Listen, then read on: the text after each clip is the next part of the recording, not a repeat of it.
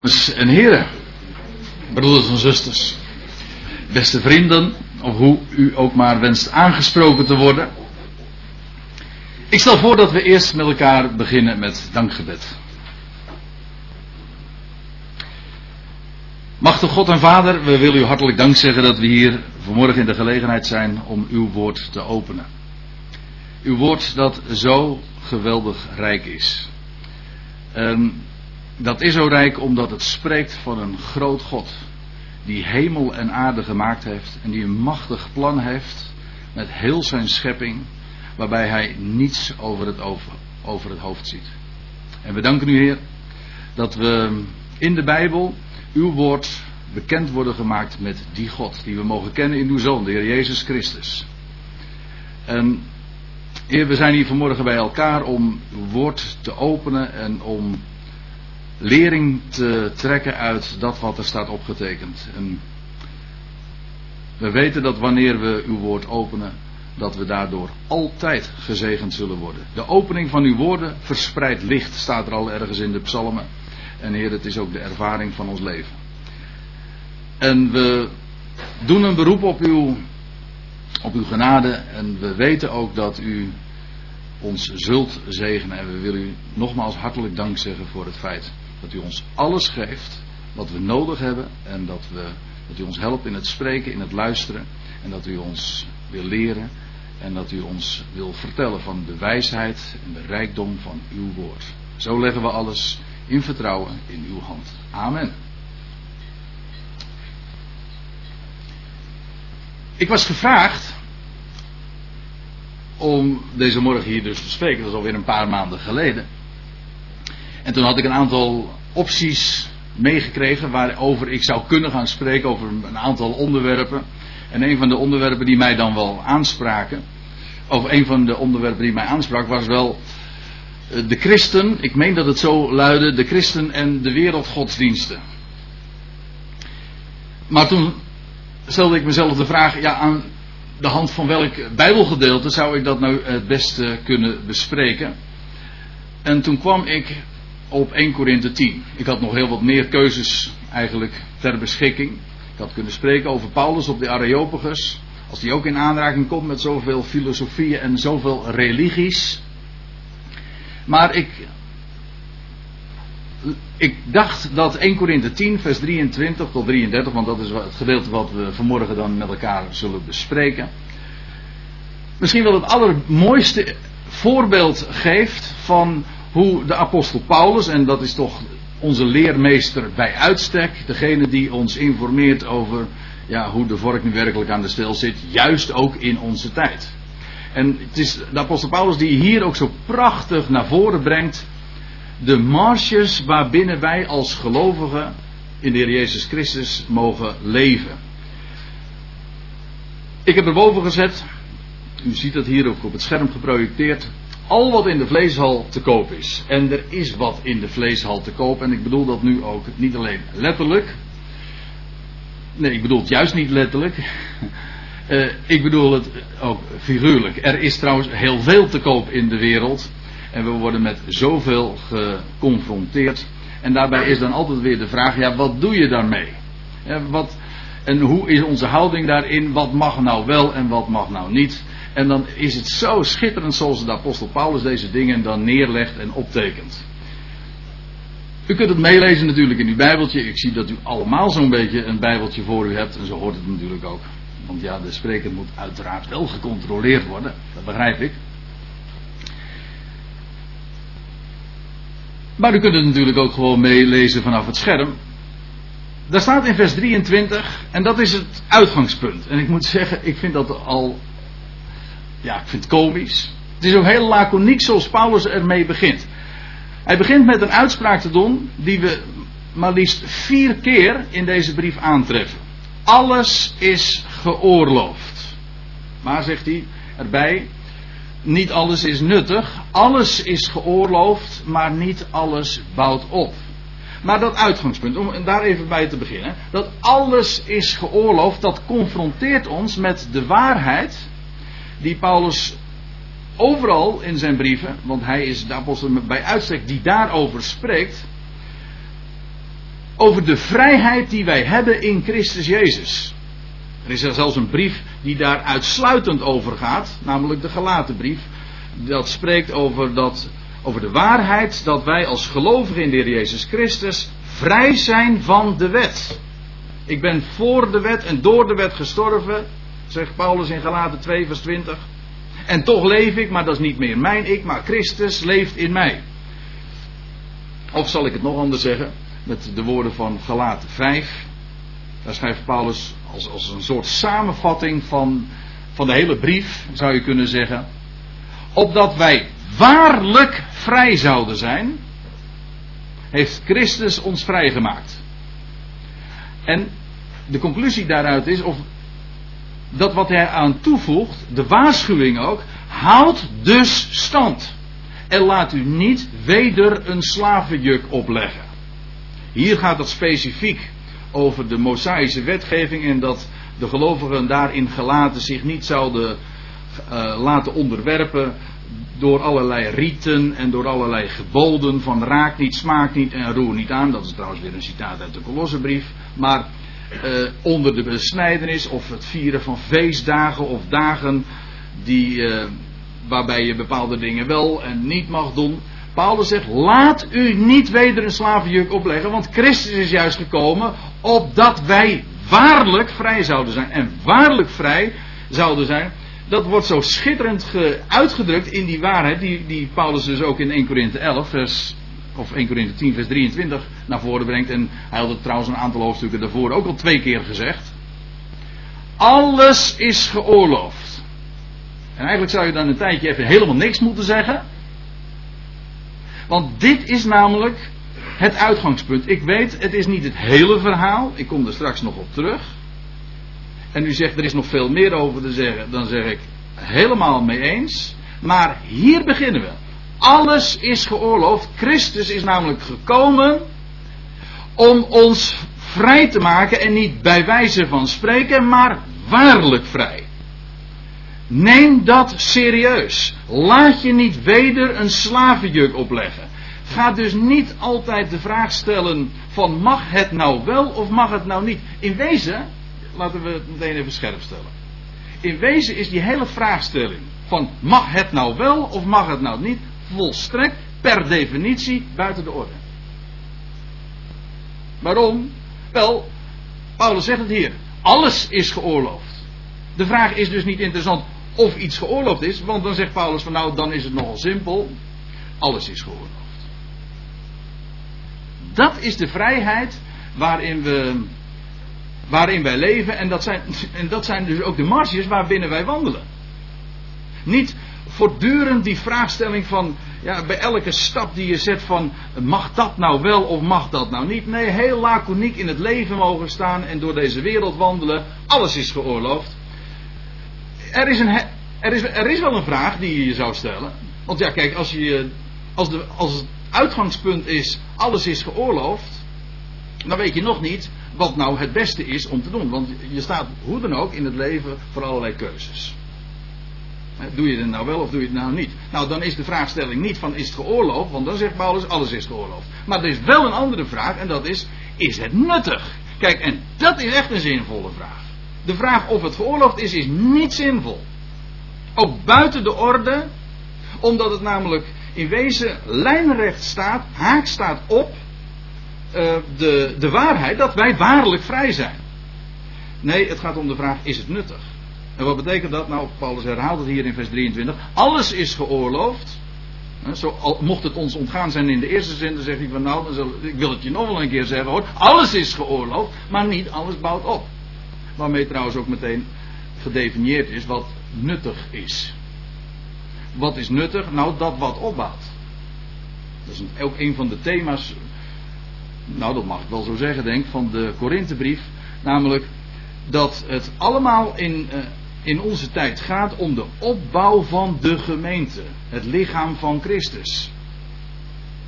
Heel het werk van God in onze dagen is daar, daaromheen geconcentreerd. Dat is de basis van het werk van God in deze tijd. Namelijk de, de opbouw van de gemeente. Hij roept zich vandaag een volk uit de, uit de volkeren. En waar gaat het dan vervolgens om? Nou, in wezen dat het uitroepen van dat volk uit de volkeren is al een.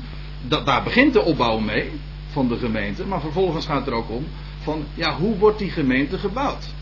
Nou, de vraag is niet of iets geoorloofd is. Paulus zegt alles is geoorloofd. De vraag is, is het nuttig? Dient het de ander of ook dient het jezelf? Maar vooral bouwt het de gemeente op. Ik zal dat aan de hand van een aantal thema's die in deze brief een, een, grote rol spelen, is illustreren. Hoe Paulus in deze zin, vers 23, deze twee zinnen, brengt hij iets naar voren. Een hele basale waarheid, maar hij illustreert dat feitelijk ook in deze hele brief.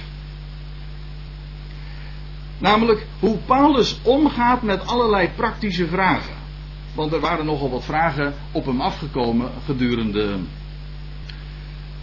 ja, gedurende de tijd die hij daar in Korinthe gearbeid had. En hij had ook een brief van hen ontvangen. En daarin waren hen kennelijk vragen voorgelegd. Over allerlei zaken trouwens. En de gemeente stond op niet een al te hoog geestelijk niveau, als ik het zo mag zeggen. Paulus zegt van nou, u zei nog, eh, jullie zijn nog wel erg vleeselijk. Dat wil zeggen, jullie oriënteren je nog eh, uitsluitend op dat wat, wat waargenomen kan worden, op de ziel en op wat gevoeld wordt en wat beleefd wordt, in plaats van dat het gaat om, om geloof. Maar ik moet er aan de andere kant weer bij zeggen, ik ben eigenlijk wel een beetje blij dat die gemeente erg vleeselijk was, want dat betekent namelijk Oh ja, wat zeg ik nou? Trouwens, uh, mag ik eventjes een vraag stellen? Zou iemand voor een, een glaasje water kunnen zorgen? Een beetje spraakwater, want anders uh, ben ik bang dat ik hier straks. ja, dat, dat ik in mijn mond wel op, op en neer beweeg, maar dat hij niet meer hoort wat ik zeg. Maar waar waren we gebleven? Dat ben ik nou weer even kwijt. Oh ja, ja, ja, ja. Ik, ik, ja, precies. Toen zei ik van, ja, wat zeg ik nou weer? Ja, nou, dankjewel, Gijs. Uh, dat is, ik, was blij, ik ben blij dat die gemeente toch wel uh, wat vleeselijk ingesteld was. Want dat betekent namelijk dat er allerlei vragen voor hen leven. Die Paulus ook heel concreet beantwoord heeft. En beantwoord heeft volgens de stijl, volgens de, in de houding die hij hier neerlegt. Niet met de vraagstelling van mag het nou wel of mag het nou niet? Is het geoorloofd, is het niet geoorloofd? Nee, hij stelt zich een heel andere vraag. Hij stelt zich de vraag, is het nuttig? Bouwt het op? En ik zei al, dat wil ik graag eens illustreren aan de hand. Het is een vrij willekeurige keuze die ik gemaakt heb, want ik zou nog veel meer voorbeelden kunnen geven. Maar in 1 Korinthe 6. Daar gaat, uh, daar gaat de vraagstelling over de rechtbank. Wat uh, het geval was daar in Korinthe, wel, er was een. Uh, er waren rechtszaken, er liepen rechtszaken tussen de gelovigen onderling. En dat wil zeggen, er waren conflicten dus tussen de broeders. En daarvoor waren ze naar de rechtbank gegaan. En Paulus zegt dan niet dat ze dat niet mochten. Helemaal, dat ligt helemaal niet in die, in die orde. Maar hij laat wel het belachelijke ervan zien. Hij laat wel zien dat het absoluut niet nuttig is en ook niet tot opbouw is. En dat was helemaal niet zo moeilijk natuurlijk. Om dat te doen. Hij zegt. Hij stelt eigenlijk gewoon een aantal vragen. Een vraagstelling die je zo vaak in deze brief tegenkomt. Weet gij niet? Ik heb het nooit geteld, maar ik maak me sterk. Het is zomaar een grove schatting die ik nu even maak. Maar volgens mij vind je het zo 10, 15, misschien wel 20 keer in deze brief terug. Dat hij die vraag stelt. Weet gij niet? En daarmee een beroep doet op dat wat ze weten. Niet op, hij doet geen beroep op de wet, maar hij doet gewoon een beroep op logica. En hij zegt van, weten jullie dan niet dat de heiligen de wereld zullen oordelen? Ah, kijk. Zo, u vraagt, wij draaien. Dankjewel.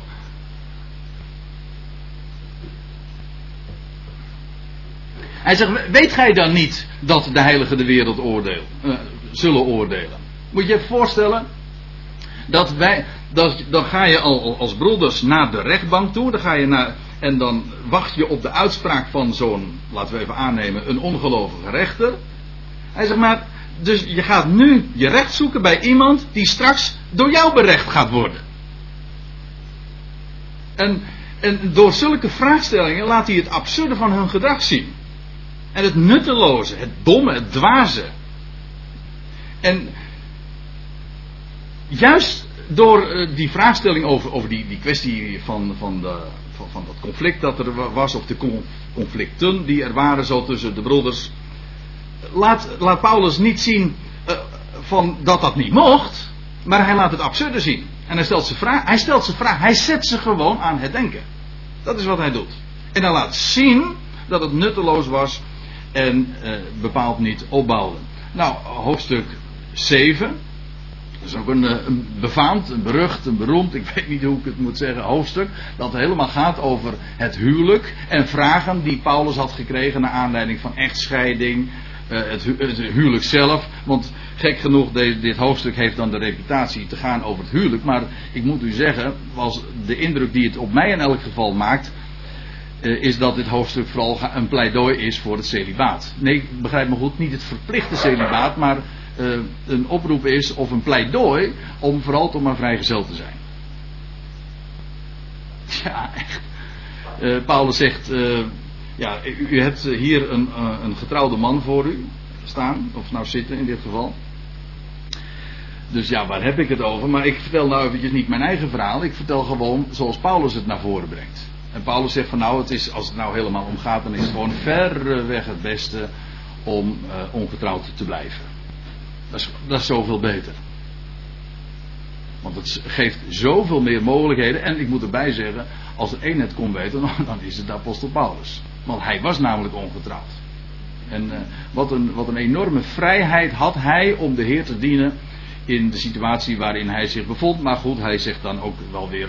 En dat is, ja, wat mij ook erg opvalt als je die brief leest, is dat Paulus zo vaak laconiek met de dingen omgaat. Hij zegt, nou ja goed, ieder, ieder heeft zo zijn eigen gaven die, eh, en zijn beperkingen. Eh, en dan zegt hij, het komt er dan toch eigenlijk op neer van, dat als je nou van begeerte brandt. dat is een beetje grappig. Maar, en dat is eigenlijk ook uh, misschien niet zo heel, heel erg uh, eervol. Maar lijkt mij wel heel realistisch als hij zegt van, nou ja, als je dan van begeerte brandt, trouw dan maar gewoon.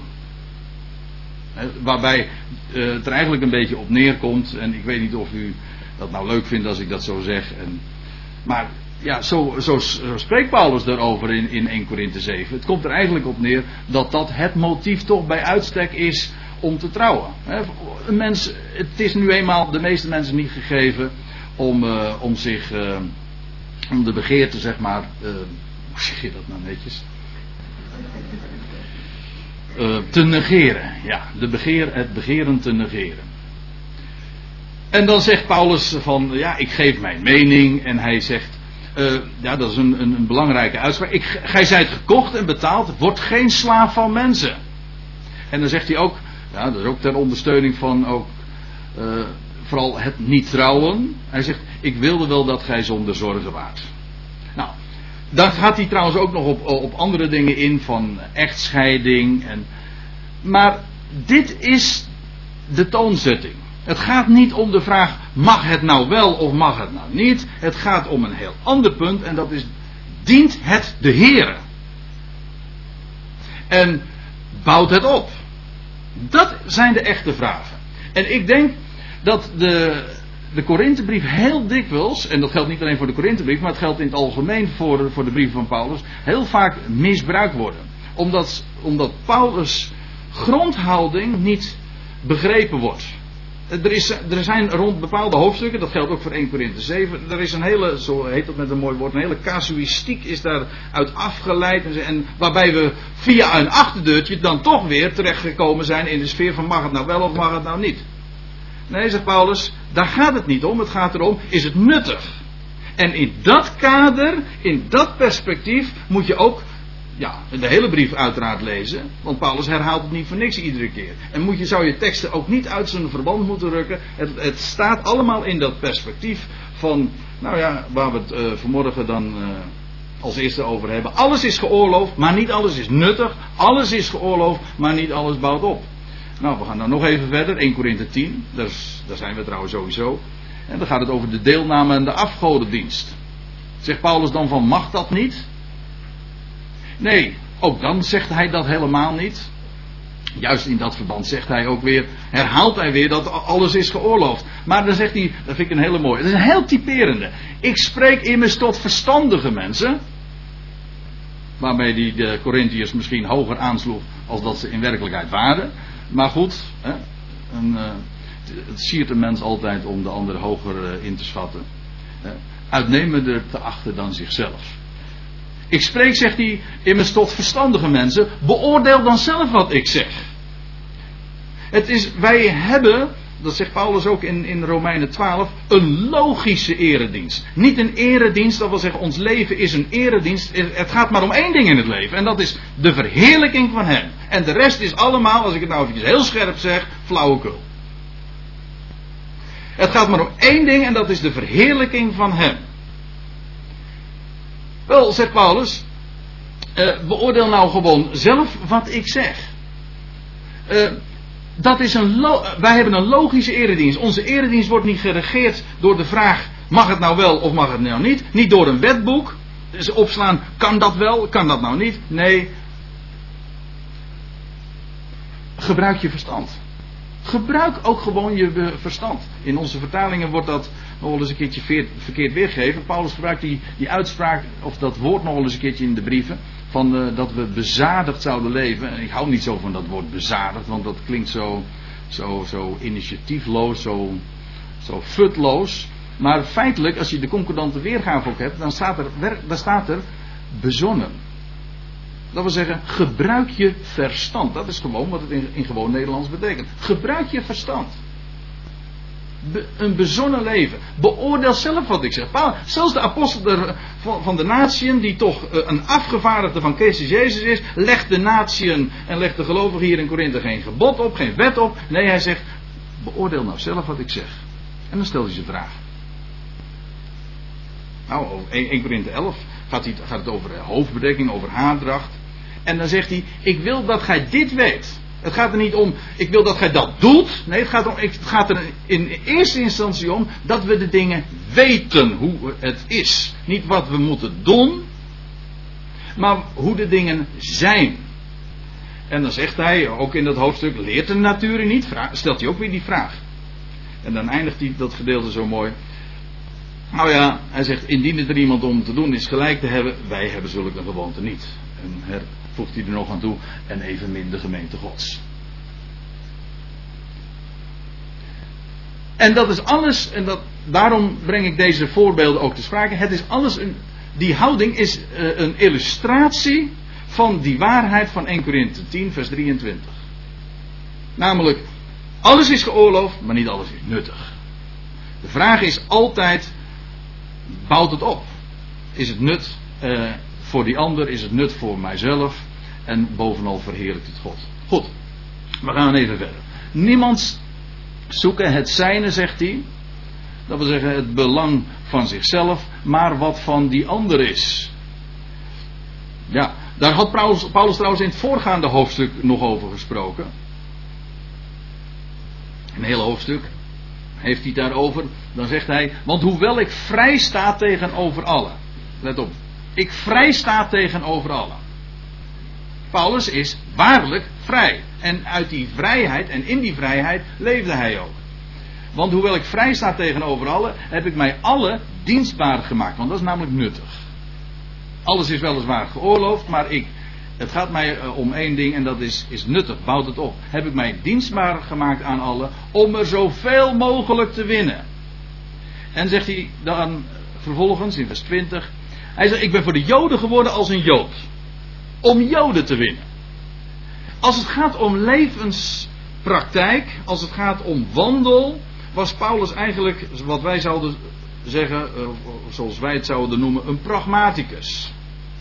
Het werd hem trouwens ook uh, zo links en rechts nog wel eens kwalijk genomen. En als Paulus dan bij gelegenheid in Jeruzalem arriveert, dan uh, ontstaat er de grootste heisa vanwege deze, vanwege deze vrijheid die Paulus zich permitteerde. En niet alleen maar zich permitteerde, hij predikte die vrijheid ook. Maar goed, ik lees even verder. Ik ben, hij zegt, ik ben voor de Joden geworden als een Jood om Joden te winnen. Hun die onder de wet staan als onder de wet. Als onder de wet. Hij zegt er ook bij, hoewel persoonlijk niet onder de wet. Om hen die onder de wet staan te winnen, daar ging het om. Het ging hem helemaal niet om bepaalde gebruiken. Of om wat nou volgens de Joden wel mocht en wat niet mocht. Hij, als het erom ging om hen te winnen. En om het evangelie, om dat goede bericht dat hij van Gods wegen had ontvangen, om dat door te geven. Nou, dan, dan maakte het hem helemaal niet uit hoe hij zich opstelde. Wat zijn uh, wat, wat, hij nou wel zou doen of wat hij nou niet zou doen. Het ging om die boodschap die hij uitdroeg. En om mensen te winnen. En dan werd hij de Joden een Jood. En dan deed hij net. En dat deed hij gewoon ook alsof hij onder de wet stond. Geen enkel probleem. En dan zegt hij in vers 22. Hij zegt: Ik ben voor de zwakken zwak geworden. Om de zwakken te winnen. Nou, nu heeft hij het vooral over de gelovigen daar in de, in de gemeente die uh, meenden allerlei dingen niet, niet kunnen doen. Maar dat was, dat was in feite omdat ze nog steeds met hun, in, hun, in hun geweten en de gewoonte hadden van een afgod. nog steeds eigenlijk vastzaten in hun associaties aan hun verleden, waardoor ze feitelijk gehandicapt waren in hun leven.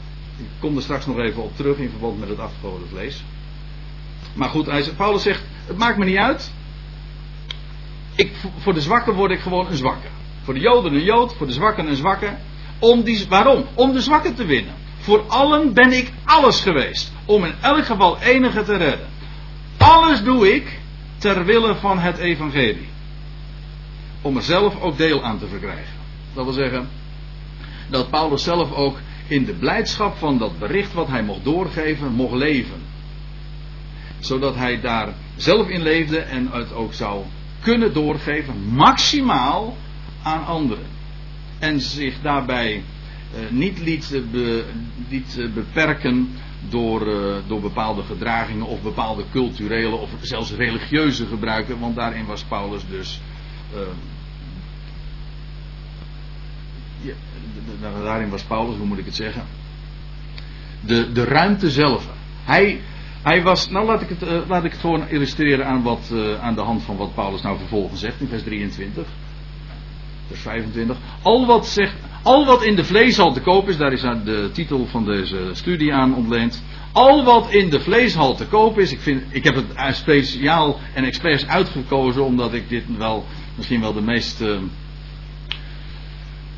beeldende uitdrukking is van, van wat hij in deze vers in dit gedeelte naar voren brengt. Hij zegt, al wat in de vleeshal te koop is, moogt gij eten. Letterlijk staat er, eet dat. Dat woordje mogen staat er eigenlijk niet eens. Dat lijkt me ook nogal logisch, want hij had net naar voren gebracht van alles is geoorloofd. Maar hij zegt, eet dat. Hoezo? Um, nou, zonder navraag te doen uit gewetensbezwaar. Nou komen we op iets wat ik dan toch even moet toelichten. Kijk, het punt is dat wat in de vleeshal te koop was, dat was eerst in de tempel geweest van de afgoden. En er waren gelovigen in Korinthe en dat de redenering is volkomen helder en eigenlijk ook zelfs heel logisch. Die, die gelovigen die zeiden, kijk, dat vlees dat in de hal hier ligt, dat, is eerst, dat heeft eerst een religieus ritueel ondergaan. Het is eerst aan de afgoden gewijd. Het is aan de demonen gewijd. En dat is dus feitelijk demonisch belast. Occult belast vlees. En wij zijn gelovigen in de Heer Jezus Christus. En wat hebben wij nou met demonen te maken? Wij eten dat vlees niet, want het is daar eerst in die afgodstempel geweest. Dat, dat eet je toch niet? En als ik het zo zeg, dan klinkt dat logisch, nietwaar? Waar het niet dat Paulus toch een heel andere insteek heeft. Paulus zegt niet van, uh, ja, ze hebben gelijk. Kijk, dit is nou typisch een zwakke redenering. En Paulus heeft zich eraan geconformeerd als het, als het erom ging om, hen te, om die zwakken te winnen. Paulus wilde daar helemaal geen discussies over. Maar Paulus was niet zwak, Paulus was sterk. Kijk, weet je, de zwakke redenering is van het is gewijd aan de afgoden en dus eten we dat vlees niet. Dat is de zwakke redenering. Ik zeg niet fout, maar het is zwak. Weet je wat de sterke redenering is? De sterke gedachte, die, die lezen we hier.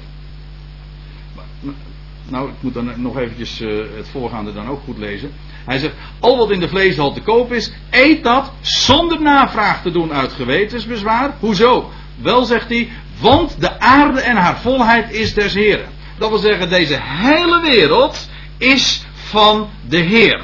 En van niemand anders. En alles wat erin is. Dus dat vlees wat daar ligt, daar kan van, van, alles mee gebeurd zijn. En dan kunnen zij het gewijd hebben aan de afgoden. Zo so wat, daar hebben we helemaal niks mee te maken. Wij herkennen die demonen toch helemaal niet? En dacht je nou werkelijk dat zij jou zouden kunnen belasten? Of is hij die in ons is, met dank aan Johannes, wat er in de Johannesbrief staat. Hij die in ons is, is meerder dan die in de wereld is hoor. Dus wat denkt die duivel of wat denken die demonen wel? Dat zij ons zouden kunnen belasten? Wij zijn van hem. En dat is wat telt. En, en dit is sterk. Ja, ik vind dit echt ijzersterk hoor, als, als je het zo naar voren brengt.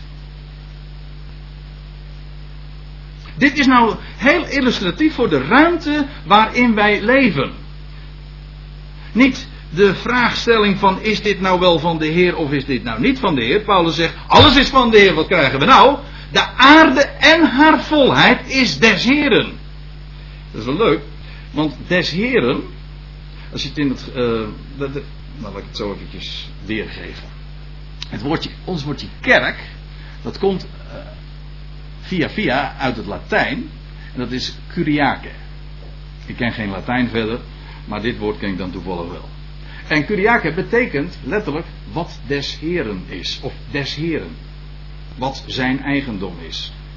het woord kerk betekent dat wat des heren is. Maar dan vind ik het zo leuk dat Paulus zegt. Ja, wat is nou des heren? Is dat nou de kerk? Nee, dat is dit. Dat is de hele wereld. De hele wereld behoort hem.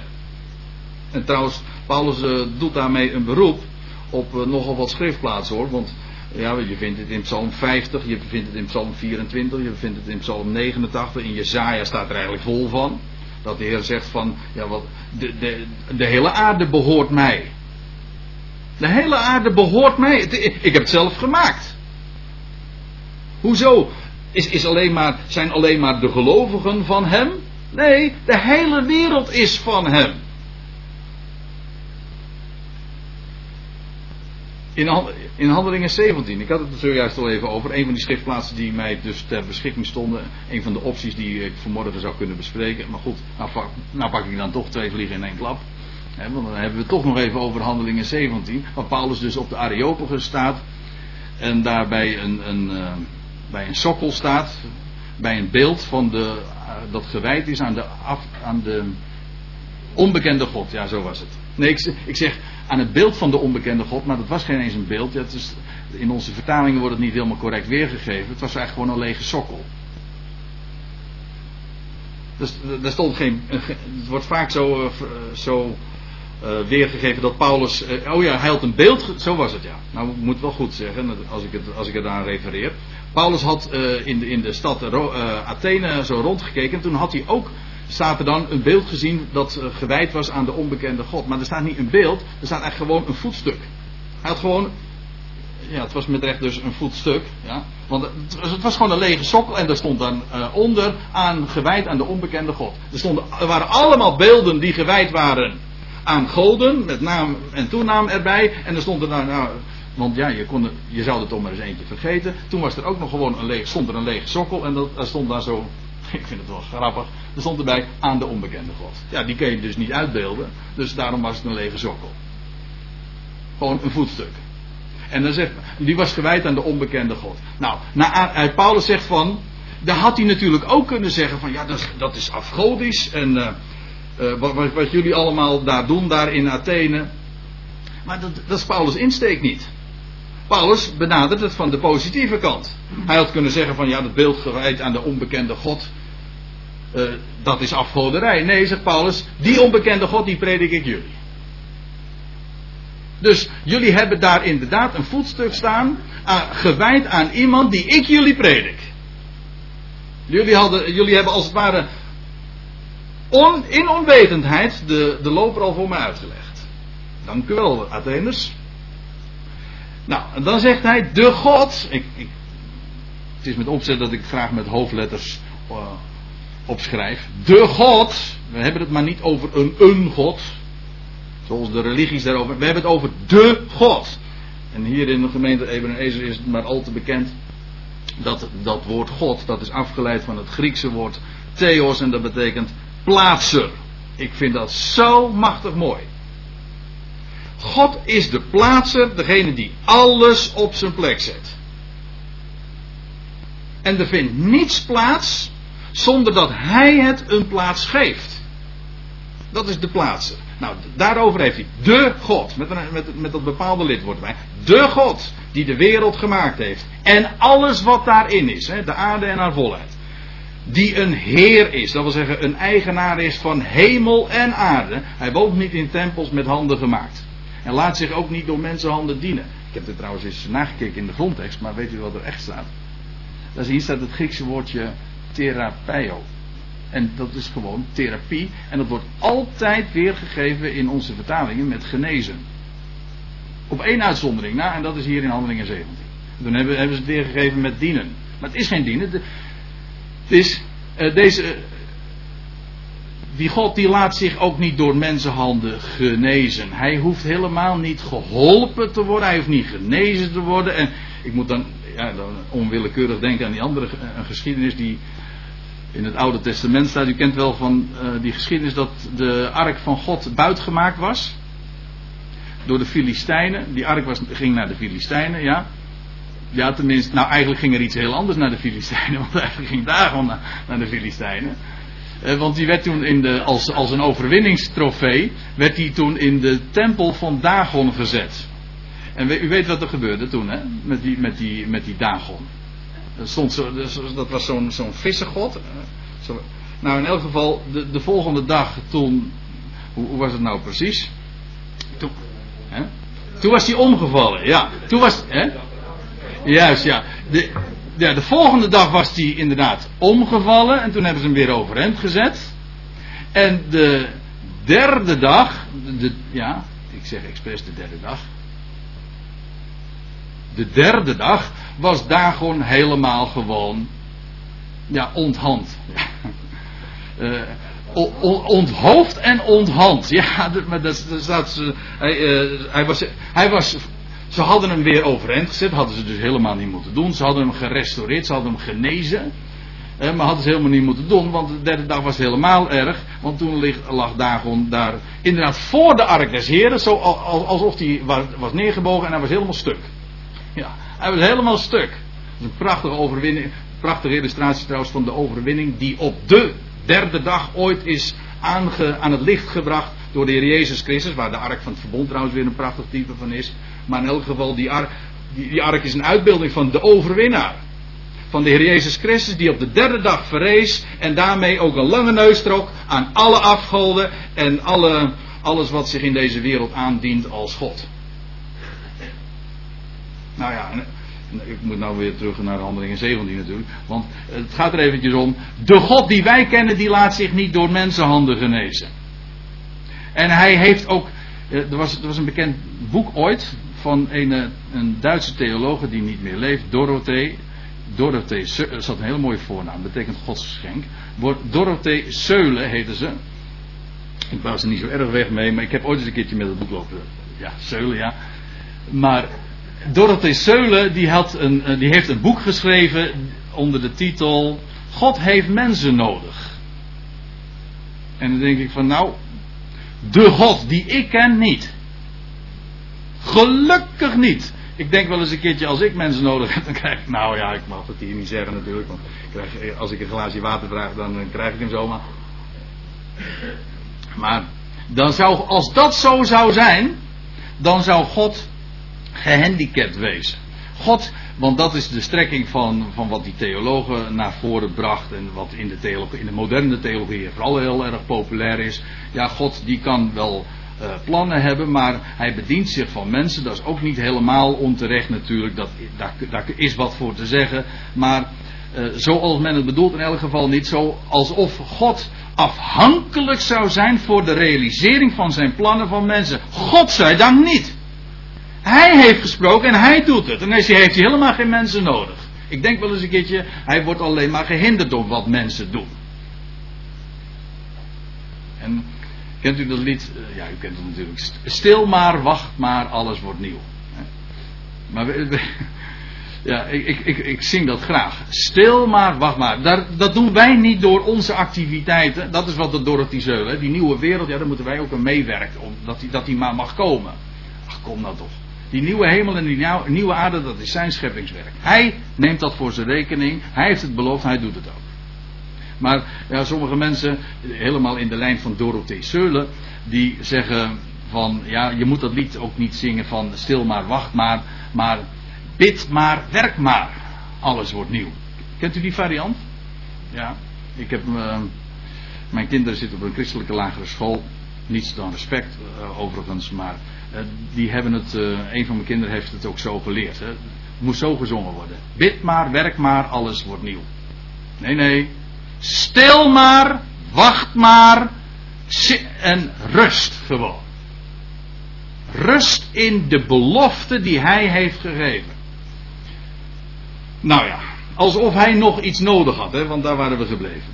Uh, daar hij zelf, de God, hè, die hemel en aarde gemaakt heeft, van wie de aarde is en haar volle, wel die God, die geeft zelf aan alle leven en adem en alles. Ziet u dat hij helemaal geen mensen nodig heeft? Wij hebben hem nodig, zo is het. Het is een complete omkering van de waarheid.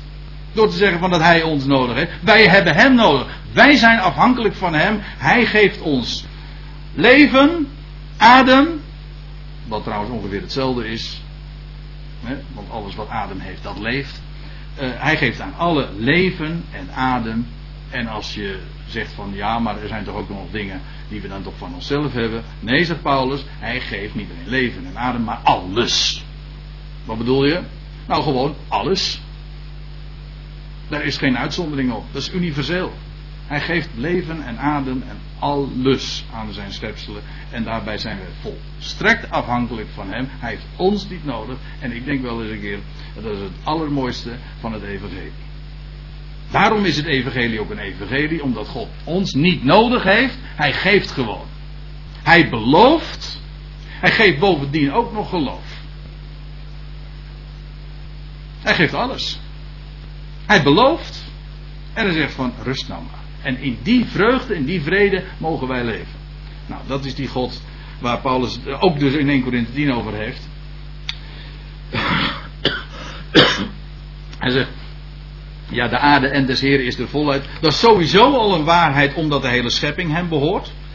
Hem behoort alles toe omdat hij domweg de schepper is. Hij, hij, hij, heeft het zelf bedacht, hij heeft het zelf gemaakt. Dus welke reden zou je kunnen bedenken dat het niet van hem zou zijn? Dat is één ding. En dan is er nog een waarheid. Die daar eigenlijk parallel mee loopt. En dat is, de hele schepping is bovendien ook nog eens gekocht. Dus een mooie gelijkenis, Matthäus 13. Daar staat. Dat, dat, zijn allemaal gelijkenissen over het koninkrijk der hemelen. En dan, dan staat er in vers 44. Eh, het koninkrijk der hemelen is gelijk aan een schat. Verborgen in een akker. Die een mens ontdekte en verborg. En in zijn blijdschap erover gaat hij heen. En hij verkoopt al wat hij heeft. En hij koopt die akker. En dan moet u weten dat die akker in uh, het Matthäus evangelie, in Matthäus 13, in die gelijkenissen die de Heer daar vertelt. De akker is de wereld. Dat wil zeggen, die, die, man, die man waar het hier over gaat, die mens, dat is niemand minder dan de Messias, de Heer Jezus Christus, die, die, die een volk ontdekte in de wereld dat hij wilde hebben. Want dat is hier die schat in de akker, dat is het beeld van het volk van Israël als u het mij vraagt. In elk geval, hij wil die akker hebben, hij wil dat Israël verkrijgen. Maar weet u wat hij doet? Hij betaalt zo'n grote prijs. Dat hij niet alleen maar die schat heeft, meteen even de hele akker. Zo, dat zijn de proporties waarin God denkt. God is een universeel God. Hij is de enige God, maar hij is ook de God van alles. En, en als we het hebben over de Heer Jezus Christus, dan hebben we het over Hem die inderdaad een specifiek plan heeft met Israël, ook een specifiek plan heeft met de gemeente God, waar wij als gelovigen deel van uit mogen maken. Maar hij heeft een plan met heel de wereld. En heel de wereld heeft hij gekocht. En je moest eens een keertje de, vraag stellen. Ik zie dat de koffie al uh, weer verschijnt. Dus ik zal er dan nog eventjes een eind aan moeten draaien. Maar goed. Uh, dat de Heer Jezus Christus die gaf zijn leven. Oh nee, nou moet ik het. Ik word gauw afgeleid, ja, dat is ook zo. Uh, ik, had het over, ik, ik had het over hoeveel mensen er wel niet zijn. En niet alleen in ons lieve vaderlandje, maar wereldwijd, die altijd maar zich de vraag stellen: van ja, heeft de Heer Jezus ook voor mij geleden? Heeft Hij ook mij gekocht? zondag 1 van de catechismus is: Wat is uw enige troost in leven en in sterven? En dan is het antwoord dat ik niet, ja, ik, ik zeg het eens, dat ik niet mijzelf, maar met lichaam en ziel het, eh, het, eigendom ben waarvan mijn getrouwe zalig maken. Ik geef toe, het is een wat vrije weergave, maar het is ongeveer het. En het is trouwens helemaal waar. Wat is je troost in leven en in sterven? Wel dat ik het eigendom ben van hem. Maar weet u wat vervolgens, waar vervolgens mensen mee worden afgeserveerd? Ja, sorry als ik het zo zeg dat is vervolgens de, met de vraag, ja, maar ben ik wel zijn eigendom? En dan gaan ze naar de kerk en dan zou je zeggen van nou dan horen ze de blijde boodschap van ze zijn het eigendom van de Heer Jezus Christus, want er is een prijs voor hen betaald. Nee, dan wordt, dan wordt de vraag gesteld, is die prijs ook voor jou betaald? En dan gaan ze weer naar huis, niet met een, met een uitroepteken, maar met een vraagteken. En dat is, ben ik wel zijn eigendom? En daar, en daar tobben ze hun hele leven mee. En dan liggen ze op het sterfbed en dan is, het, dan is het ongeveer het ultieme wat ze, als ze dan kunnen zeggen op het sterfbed van, ja, het is ook voor mij. En ik moet u zeggen, ik vind het diep triest. Weet u waarom? Want de Bijbel leert gewoon op voorhand, hij kocht alles, de hele wereld. En dat is de blijde boodschap waar Paulus zich ook voor heeft ingespannen.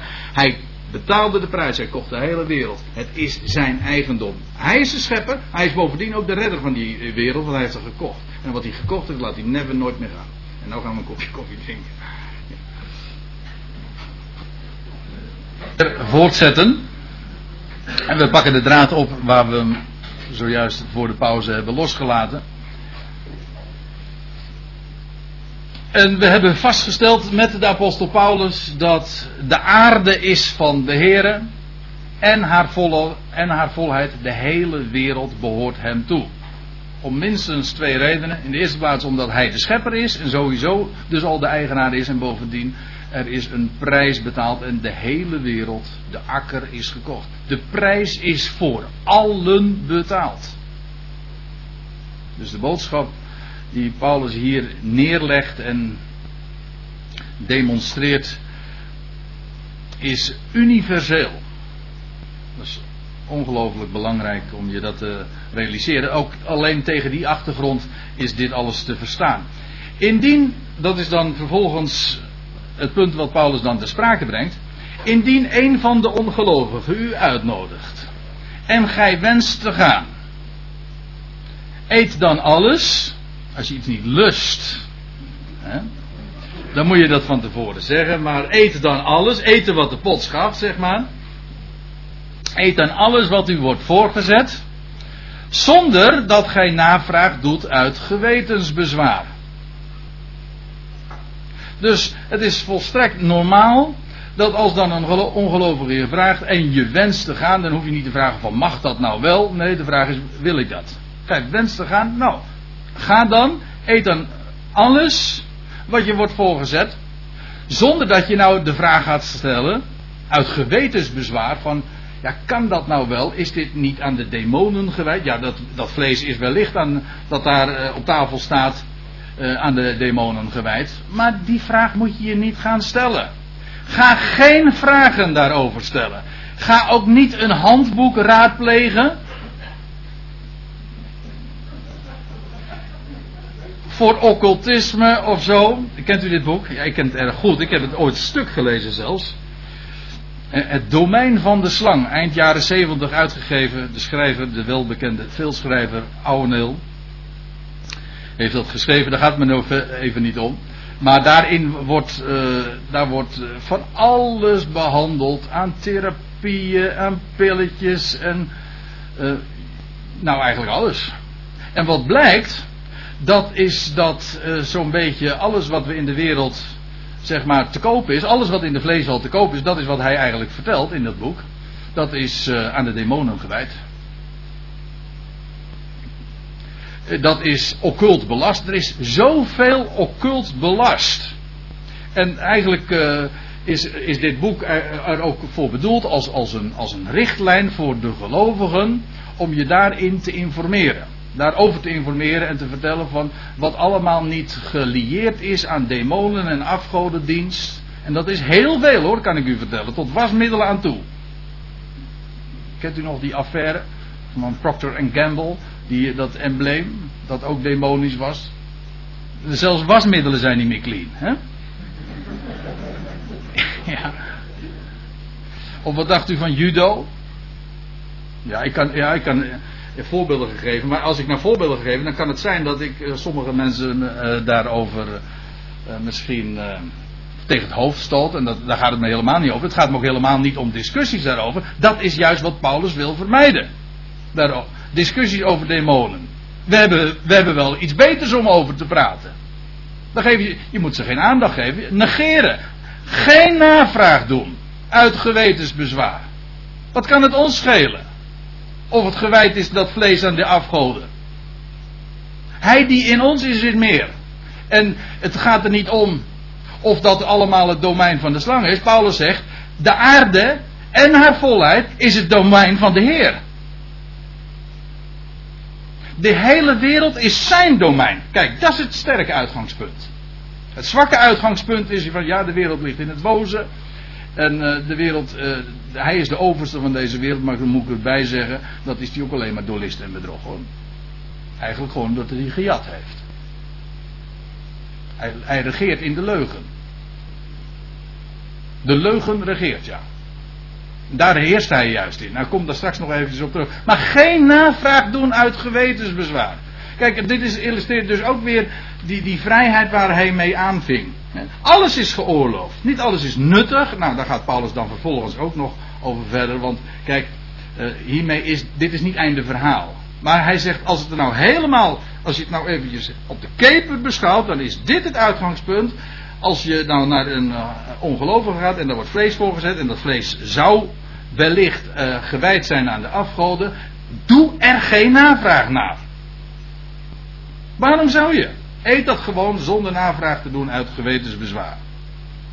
Ja, u zegt, want dan moeten we er dan toch nog eventjes wat verder over hebben. Is er dan niet zoiets als het domein van de slang? En toen zei ik al, ja, dat domein van de slang bestaat er wel. Hij, die slang die heerst. Hij heet niet voor niks de God van deze Aion. En hij, dat is niet omdat hij, dat hij in deze wereld alles voor het zeggen heeft. Maar wel omdat de hele wereld gewoon naar hem luistert. Dus niet, we hebben niet te maken met de macht van de boze, maar met de listen van de boze. Moet u maar eens opletten in Efeze 6. Die strijd die wij hebben. Nou ja, wij hebben geen strijd trouwens, zij strijden. Dat is trouwens ook nog een punt hoor. In Efeze 6 dan zeggen we ja, we hebben te strijd. Nee, zij strijden ons. Wij staan gewoon. Tenminste, dat is, de, dat is de, wat Paulus aanbeveelt. Hè? Dus standvastig te zijn, te staan en te blijven staan. Dat zij strijden nou en dat is ook zoiets. Daar hebben wij niks mee te maken. Wij staan gewoon. Maar hij, wij hebben te maken met de list van de boos, niet met zijn macht, want dat is gewoon fake. Weet u, hij, hij, hij liegt. En daarin bestaat zijn domein. Weet u wat zijn. Die, die leugens van de slang. Ja, die, eh, die, zijn, die hebben een bepaald patroon. Die zie je altijd weer terugkomen. Maar die, die zie je al terug in de Hof van Eden. Toen hij sprak. Weet u wel dat hij God rechtstreeks tegensprak? God had gezegd: Als je van die boom eet, zul je stervende sterven. Nee, zegt de slang, gij zult geen zin sterven, maar uw ogen zullen geopend worden. Een ontkenning van de dood. En ik ben ervan overtuigd dat dat de meest. Ja, het is de primaire leugen, dat is sowieso een vaststelling. Het is de primaire leugen van de slang. En het is de leugen waar hij zich mee bedient. En dat ook een invalspoort is tot zijn domein. Namelijk de ontkenning van de dood.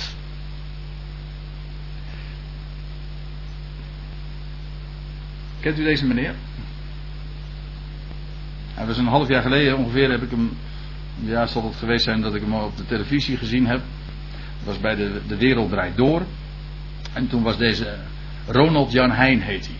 Zoon van Ger, Gerrit Jan Heijn, die vermoord is. En een neefje van, omzegger van Albert Jan. Aha, aha, zegt hij. Ja, ja, die was het. Ronald Jan Heijn. En uh, die is uh, nogal een groot promotor van de New Age gedachte in Nederland. Maar die deed toen in die uitzending van De Wereld Draait Door een typische New Age uitspraak. Dit is echt een, een uitspraak die je zo als etiket zeg maar zou kunnen plakken op de hele wereld en het denken van New Age. En, die ging, dat ging zo. Als we beginnen te beseffen dat de dood een illusie is en dat het leven eeuwigdurend is, als we die stap nemen, dan zijn we in het gebied van het ruimere denken. Want dan volgt er heel veel uit. Hoort u hier het sissen van de slang? Het is de ontkenning van de dood. Het hele, het New Age denken is gebaseerd op de ontkenning van de dood. Een mens gaat niet dood. Nee, zijn ogen gaan alleen maar open. Dan begint, zoals ze het dan zeggen, dan zijn we gewoon ontlichaamd. Maar dan wordt de ziel uit de kerker bevrijd, of hoe men het dan ook maar formuleren wil. Maar in elk geval, de mens leeft voort. Als geest, of hij, ga, hij reïncarneert weer. Maar hij gaat in elk geval niet dood. En hoe die dan niet doodgaat, dat is eigenlijk. Uh, dat is punt 72. Dat is ook niet het punt. De leugen van de slang is de ontkenning van de dood. En daar zit. Is het domein van de slang ingelegen. En op allerlei gebied. En kijk daarvoor uit voor die leugen. Kent u deze mevrouw? Ja, u herkent hem natuurlijk aan het blauwe gewaad. Mevrouw Jomanda. Uit Tiel. Nee, het was geen zusje van een flipje. Maar, het was uh, Jomanda, die, weet u van wie zij haar gaven heeft? Dat heeft ze gewoon gezegd hoor. Hoe weet je nou dat zij, uh, dat, dat dat wat van haar uh, niet deugt? Moet je er bang zijn voor Jomanda? Nee, natuurlijk niet. Hoezo zou je bang zijn voor Jomanda? Mag je, die mag je daar niet naartoe gaan? Nou, dat is niet aan de orde. De vraag is, waar is zij mee bezig en met wat voor geest handelt ze? Nou, en daar is ze heel openhartig in. Ze zegt, ik heb, mijn, ik heb de geest, of dat geneeskrachtige vermogen, al of niet echt, daar hebben we het helemaal niet over. Maar dat geneeskrachtige vermogen van mij, dat heb ik ontvangen van mijn opa, die aan mij verschenen is, ik meen in een spiritistische seance. Daar heeft ze het van. Want haar opa was niet dood. Ja, dat, dat, ze dacht dat hij dood was, maar hij, hij leefde gewoon voort. Dat is haar vermogen. Daar heeft ze het van. En dan weet je meteen, dit is geen zuivere koffie. Dit is leugen. En daar zou je doorheen moeten prikken. Maar dan moet je, kijk, je kunt dat alleen maar herkennen als je het eerst kent. Als je, als je weet wat typerend is voor, voor de leugen van de slang. En dat is de, inderdaad de ontkenning van de dood. Of wat dacht u van deze mevrouw? Kent u deze? Char. Het medium. Ja, u ziet het zo heel langzaam opkomen. Ik kon via de PowerPoint kon ik kiezen. Ik kon dat infaden met uh, fast en slow en ook medium. Ik dacht, ik neem maar medium. Hè? Doe het nog eens terug? Oké, okay, gaat zo. Dat is medium.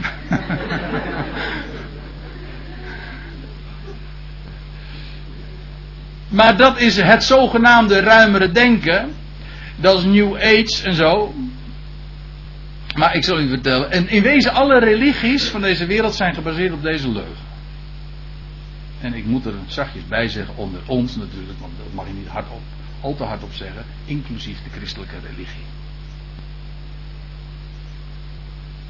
Ja. Dat, dat, dat denken dat de dood een illusie is, maar dat je in wezen je ogen open gaat en dan het, het leven eeuwigdurend zijn, is. Of zou zijn. De Bijbel is helemaal, eh, leert juist helemaal geen ontkenning van de dood, maar dat de dood wel degelijk een realiteit is. Wel dat de dood niet het, de dood heeft niet het laatste woord, de dood wordt overwonnen. Maar daarmee is de dood wel een, een realiteit. En dat is echt een, een, een verschil van to be or not to be. Het verschil tussen leven en dood is to be or not to be. Als je leeft, dan ben je er. En als je, als je dood bent, dan ben je inderdaad geweest. dat God dan weer tevoorschijn roept bij gelegenheid op zijn tijd, dat is een ander verhaal. Maar over het domein van de slang gesproken, dat is daaraan te herkennen. Dus begrijp me goed, het domein van de slang bestaat wel, maar het bestaat slechts bij de gratie van de leugen.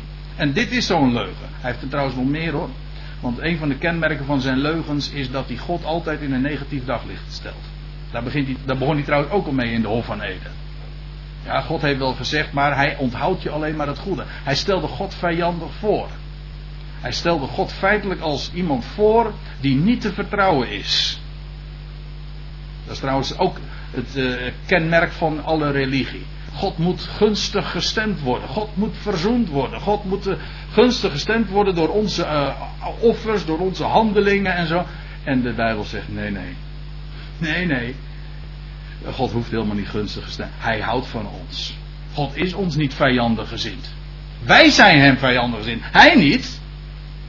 Hij houdt van ons. Of wat dacht u van dat hele idee van een eindeloze hel? Dat is, dat is ook de leugen, dat is ook zo'n typerende leugen van de slang. Ja, u vindt misschien dat ik erg krasse woorden gebruik. Maar uh, ja, goed. Dat, uh, het grote voordeel dat het in ieder geval duidelijk is. En u moet het zelf maar op zijn merites beoordelen. Maar een van de leugens van de slang is, ik zei al, dat is dat hij God in een negatief daglicht stelt. Maar hoeveel zijn er niet die, die hun leven zeg maar, gepijnigd worden? Ik bedoel nu dus ook binnen de christenheid. Die hun leven, zeg maar, hun leven lang tobben en gepijnigd worden over de vraag uh, ja, van waar we het zojuist al over hadden, ben ik gered? Maar vooral dan ook ja, dat leerstuk van die eindeloze hel. Maar ik zal u vertellen, dat is zo een demonische leer. En ik weet waar. Ik ben niet zo gauw geneigd om dat in het persoonlijke te trekken. Maar ik weet, ik, daarover weet ik echt heel goed waar, ik over, waarover ik het heb. Want ik heb daar als kind, ben daar zo bang voor geweest. En, en dat, ik kon me niet voorstellen dat de God die. Ja, waarvan ik dan toch wel in de gaten had dat de Bijbel die voorstelt als een God van liefde en een almachtig God. Dat die God eindeloos zou pijnigen. Dat, die verzint zoiets.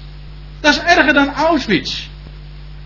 En, en, dat daar dan, dat daar geliefde mensen daar terecht zouden komen, terwijl er nooit meer een eind aan komt.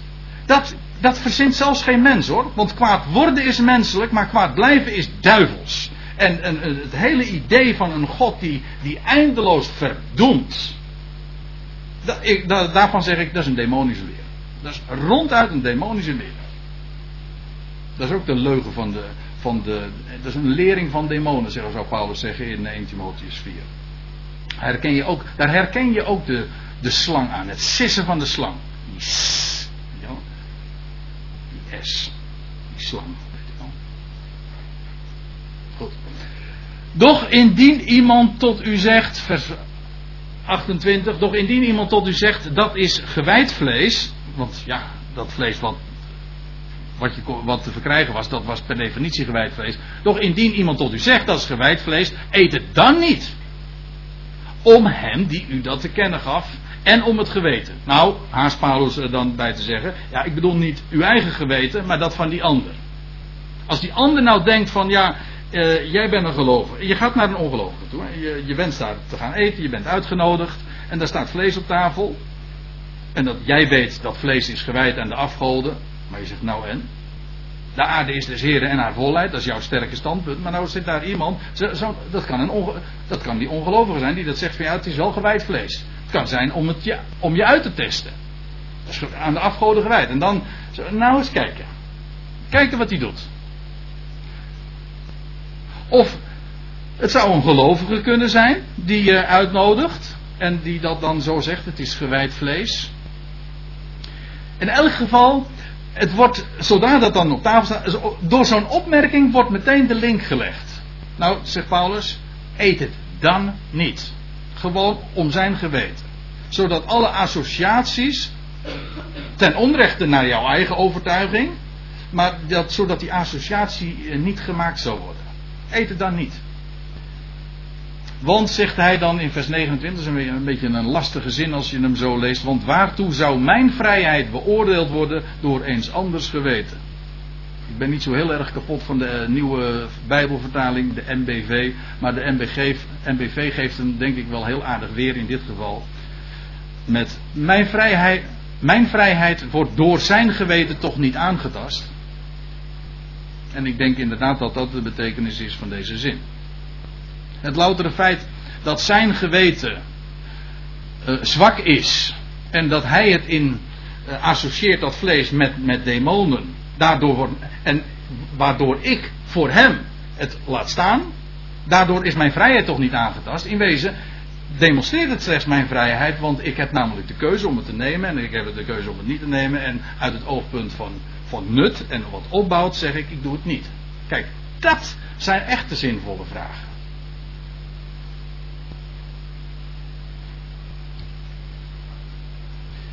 Indien ik dan, vers 30, indien ik onder dankzegging van iets gebruik maak, hoe kan men kwaad van mij spreken? Hoe kan men kwaad over, van mij spreken over iets waarvoor ik dank zeg? Vind ik een hele mooie, ook dat is trouwens een hele typerende uitspraak voor, uh, uh, voor Paulus. Die dankzegging die hij hier te sprake brengt.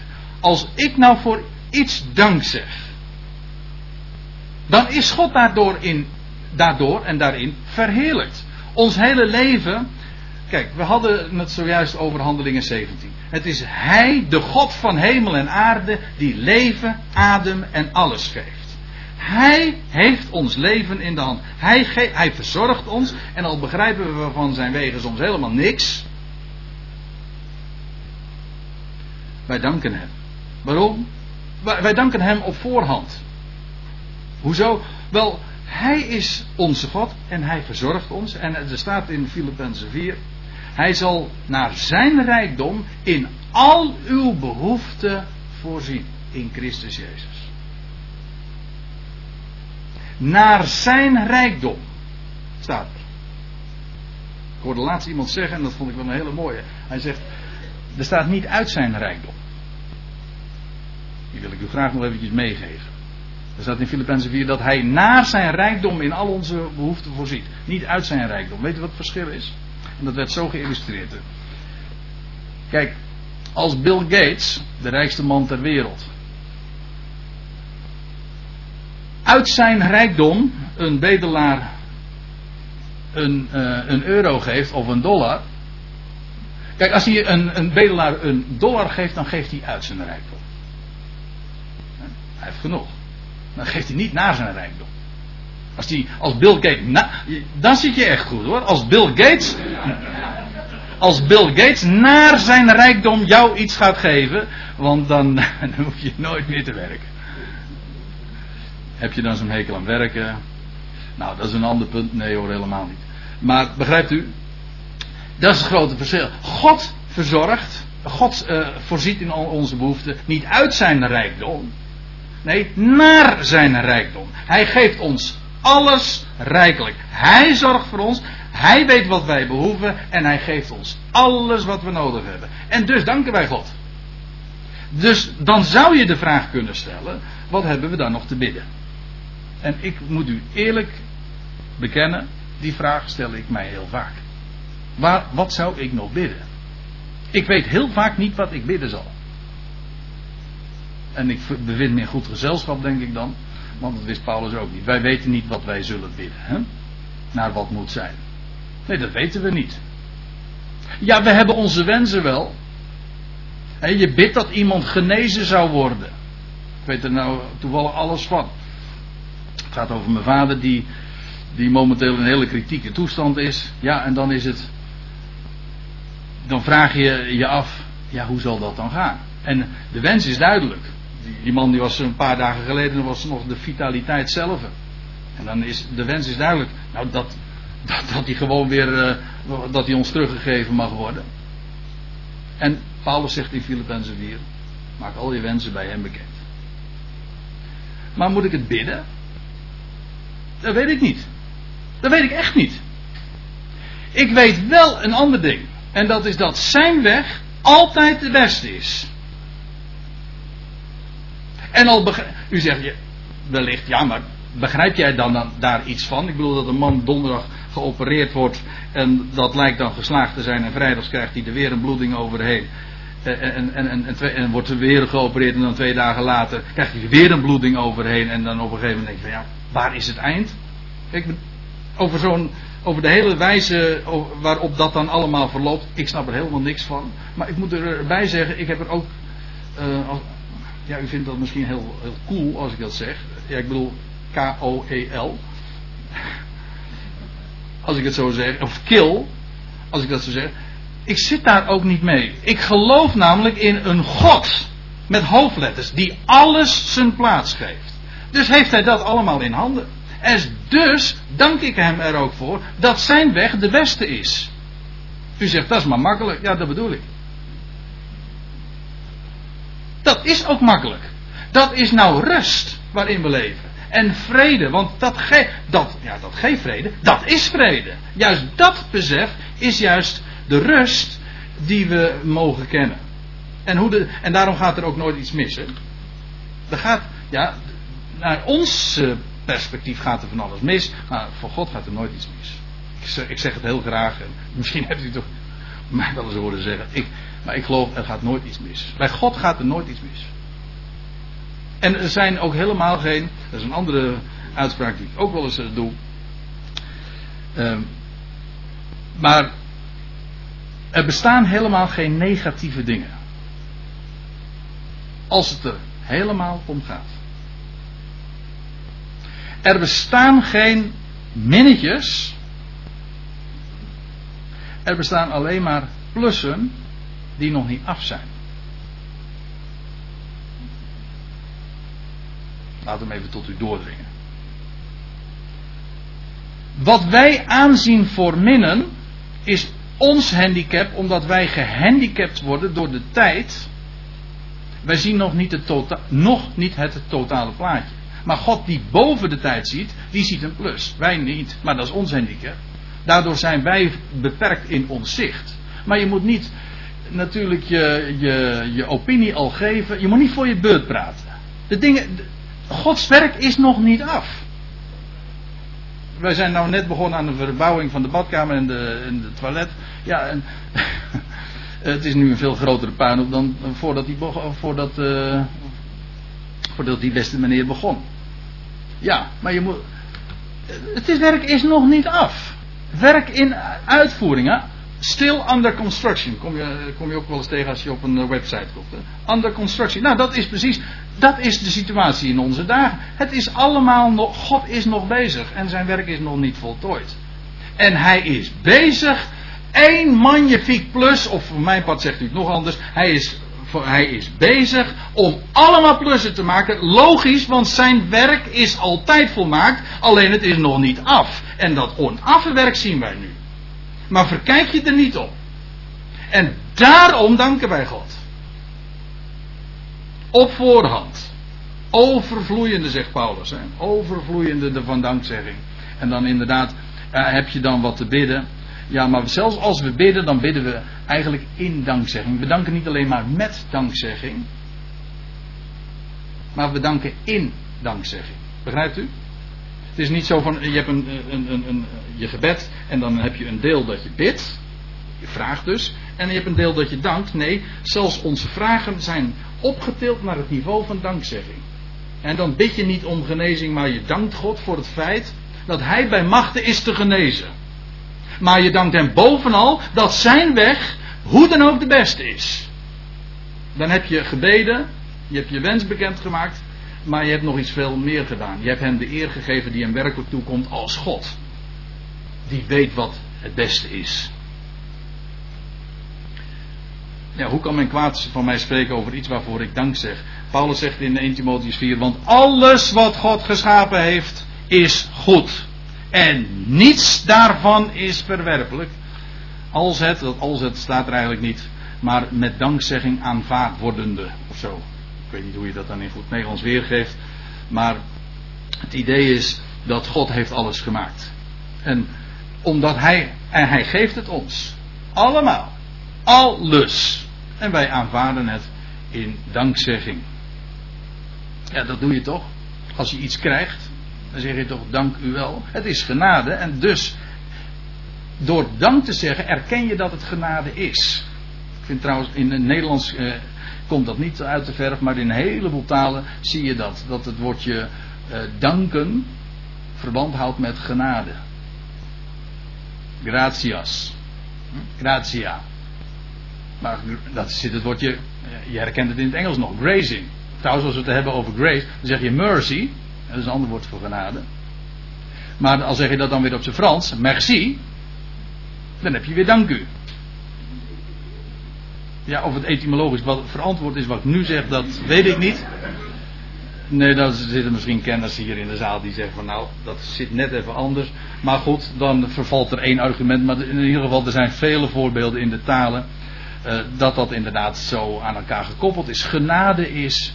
Uh, dank u wel zeggen is inderdaad gewoon spreken van genade. Trouwens, waar hebben we het over? In het Grieks, waar Paulus dit per slotverrekening heeft opgetekend, is het woordje voor, voor dank zeggen eucharis. Maar daar zit het woordje charis in en dat betekent genade. Nou, dat argument moet u als bijbelvaste luisteraars toch in elk geval aanspreken. Dus dankzeggen is niks anders dan spreken van genade. 1 Korinthe 14 zegt Paulus, want dat is dus een paar hoofdstukken verder, want anders, indien gij een zegen uitspreekt met uw geest, hoe zal iemand die als een toehoorder aanwezig is op uw dankzegging zijn amen spreken? U vraagt zich misschien af waarom geef je nou deze tekst weer? Nou, om deze reden dat uh, zegenen in de Bijbel feitelijk synoniem is, of de zegen is synoniem met dankzegging. De dingen, dat is trouwens ook 1 Korinthe 10, worden dankzeggend gezegend. Wij hebben dat uit elkaar gehaald. Bij ons vroeger thuis was het zo, als je de maaltijd begon, dan, dan begon je met het vragen voor een zegen voor de maaltijd. En dan na de maaltijd, dat is dan lekker gesmaakt, dat weet je. Dan, nee, dat is onzin. Maar dan dankt je. Je vraagt eerst om een zegen en dan dank je. Ik heb geleerd dat uh, de Bijbelse, het Bijbelse idee een heel andere is. En dat is wij danken op voorhand. Dat is trouwens ook een heel Bijbels gebruik. De heer Jezus lees je ook van dat als hij de maaltijd aanvangt, hij, hij zag op naar boven en hij dankte. Trouwens in, de, in andere vertalingen of in andere uh, lees je dan weer dat hij de zegen uitsprak. Waaruit dus ook maar weer volgt dat danken en uh, zegenen gewoon hetzelfde is. Dingen worden dankzeggend gezegend. Wat ik ermee bedoel te zeggen is dat de zegen is gelegen in de dankzegging. Wat, dat geldt voor ons hele leven. Of iets gezegend is, ja of nee. Wat is een gezegend leven? Dat is een leven waarin, dank, waarin de dank wordt uitgesproken. Waarin, waarin je opziet naar boven en je erkent van het is van u. Het is, het is genade. We ontvangen het uit uw hand. Dat is de zegen. We vragen niet voor een zegen. Dat, we danken gewoon God voor het feit dat Hij het geeft. En dat is de zegen. Juist die dankzegging. Een gezegende maaltijd is niet een maaltijd die lekker gesmaakt heeft. Zodat je naderhand zegt van nou, nou, nou kunnen we de Heer danken. Nee, de, een gezegende maaltijd is een maaltijd die ontvangen wordt en die genoten wordt in dankzegging. En daarom danken we op voorhand. Dat is zo eigenlijk demonstratief voor ons leven. Ja, wij, wij weten dat God degene is die ons alles geeft en dus danken we hem voor alles. En dat is de zegen. Ik ben ervan overtuigd dat daarin in de zegen altijd ligt opgesloten. Wat is een gezegende? Ja, noem eens iets triviaals. Maar ja, wat is triviaal dan nog, hè? Als God degene is die alles geeft, wat is dan triviaal? Wat is banaal? alledaags. Ja, nou, al het alledaagse wordt daarmee opgetild naar eredienst. Er bestaat dus niet zoiets van het gewijde en het, en het ongewijde leven. Nee, alles is gewijd. Want we, ontvangen alles van hem. En wat is een gezegende, wat is een gezegende voetbalwedstrijd? Ja. Is dat een wedstrijd? Ja, ik weet wel wat u gaat zeggen. Dat is een wedstrijd waarbij je wint natuurlijk. Nee, een gezegende voetbalwedstrijd, dat kan heel goed hoor. Dat is een voetbalwedstrijd waarvoor je God dankt. Dat, dat is de zegen. En dat geldt voor heel ons leven. De, de zegen is juist daarin in gelegen. Wij danken God.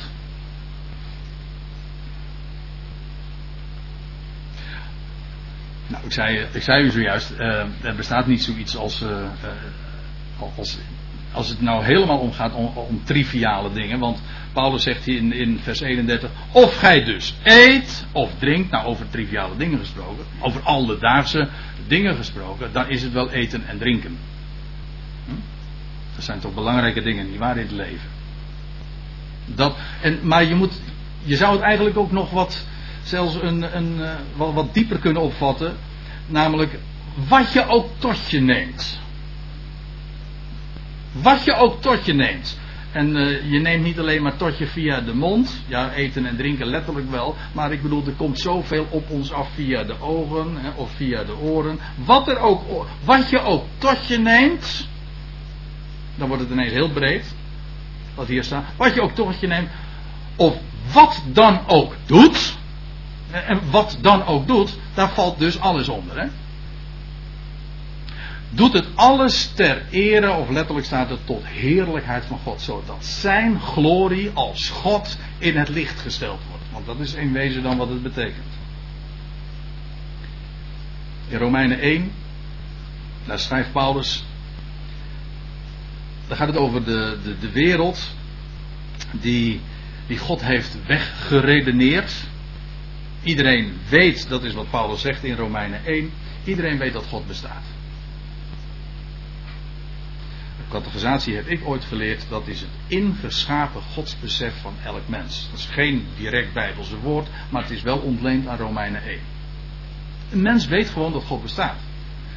Want het wordt met het verstand doorzien, staat er in Romeinen 1. Iemand die nadenkt, die ziet gewoon een schepping.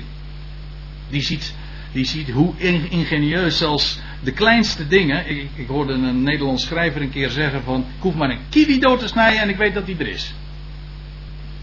Zo knap, zo, zo machtig ingenieus als dat alles in elkaar zit. Of neem zelfs een, een, de meest, het, het allerkleinste levensvormpje, een eenzellig wezen. Dat is zo, dat is zo ingenieus. Dat is allemaal vanzelf ontstaan. Er staat dus een mooie spreuk, hè? Daar in de, hoe heet het? Uh, het Goede Huis, ja, sorry. Ik zag hem er net, uh, ik zag hem er net hangen. Eerst was het niks. Toen ontplofte het ook nog eens een keer. ja, dat vind, ik, dat vind ik wel leuk, ja.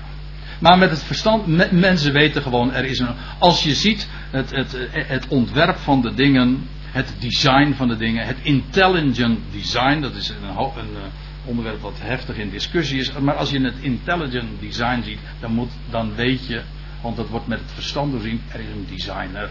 En inderdaad, die designer is er. Nou, daarover heeft Paulus het in Romeinen ook, we weten dat.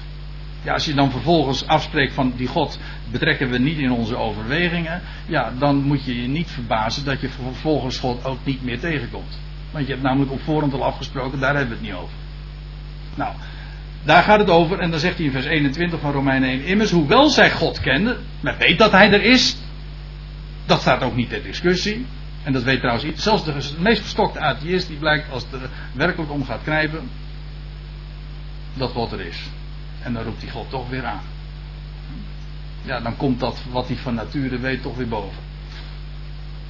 Weet u die man, die, eh, die jongen die uit, uh, uit de boom viel. En toen, uh, toen riep hij God aan. Oh God help me! kon hij nog net de tak vasthouden en zeggen: Nee, dat hoeft toch niet meer. Maar dat was trouwens geen atheïst, moet ik erbij zeggen. Of wat dacht u van het gebed van die atheïst? O God, red mijn ziel.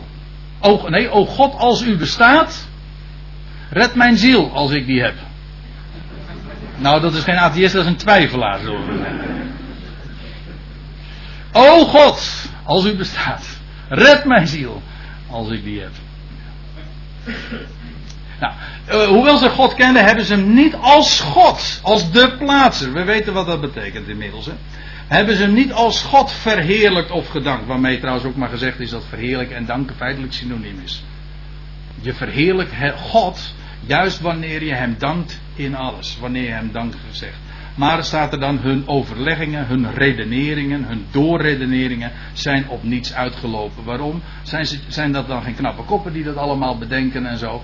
Ja, dat kan wel wezen, maar het uitgangspunt deugt niet. En dan kun je natuurlijk wel hele knappe uh, redeneringen en berekeningen er vervolgens op loslaten. Maar als je uitgangspunt niet deugt, het axioma niet klopt, als je God op voorhand hebt uitgesloten, dan lopen je redeneringen op voorhand op niets uit. Maar als je begint bij God, als God, met hoofdletters, want je kunt, kijk hier staat het negatief, maar je kunt natuurlijk net zo goed positief zeggen. Er staat hier, we het eerst even negatief zeggen, zoals Paulus namelijk hier naar voren brengt. Ze hebben het niet als God verheerlijkt of gedankt, maar hun redeneringen, hun overleggingen zijn op niets uitgelopen en het is duister geworden in hun onverstandig hart.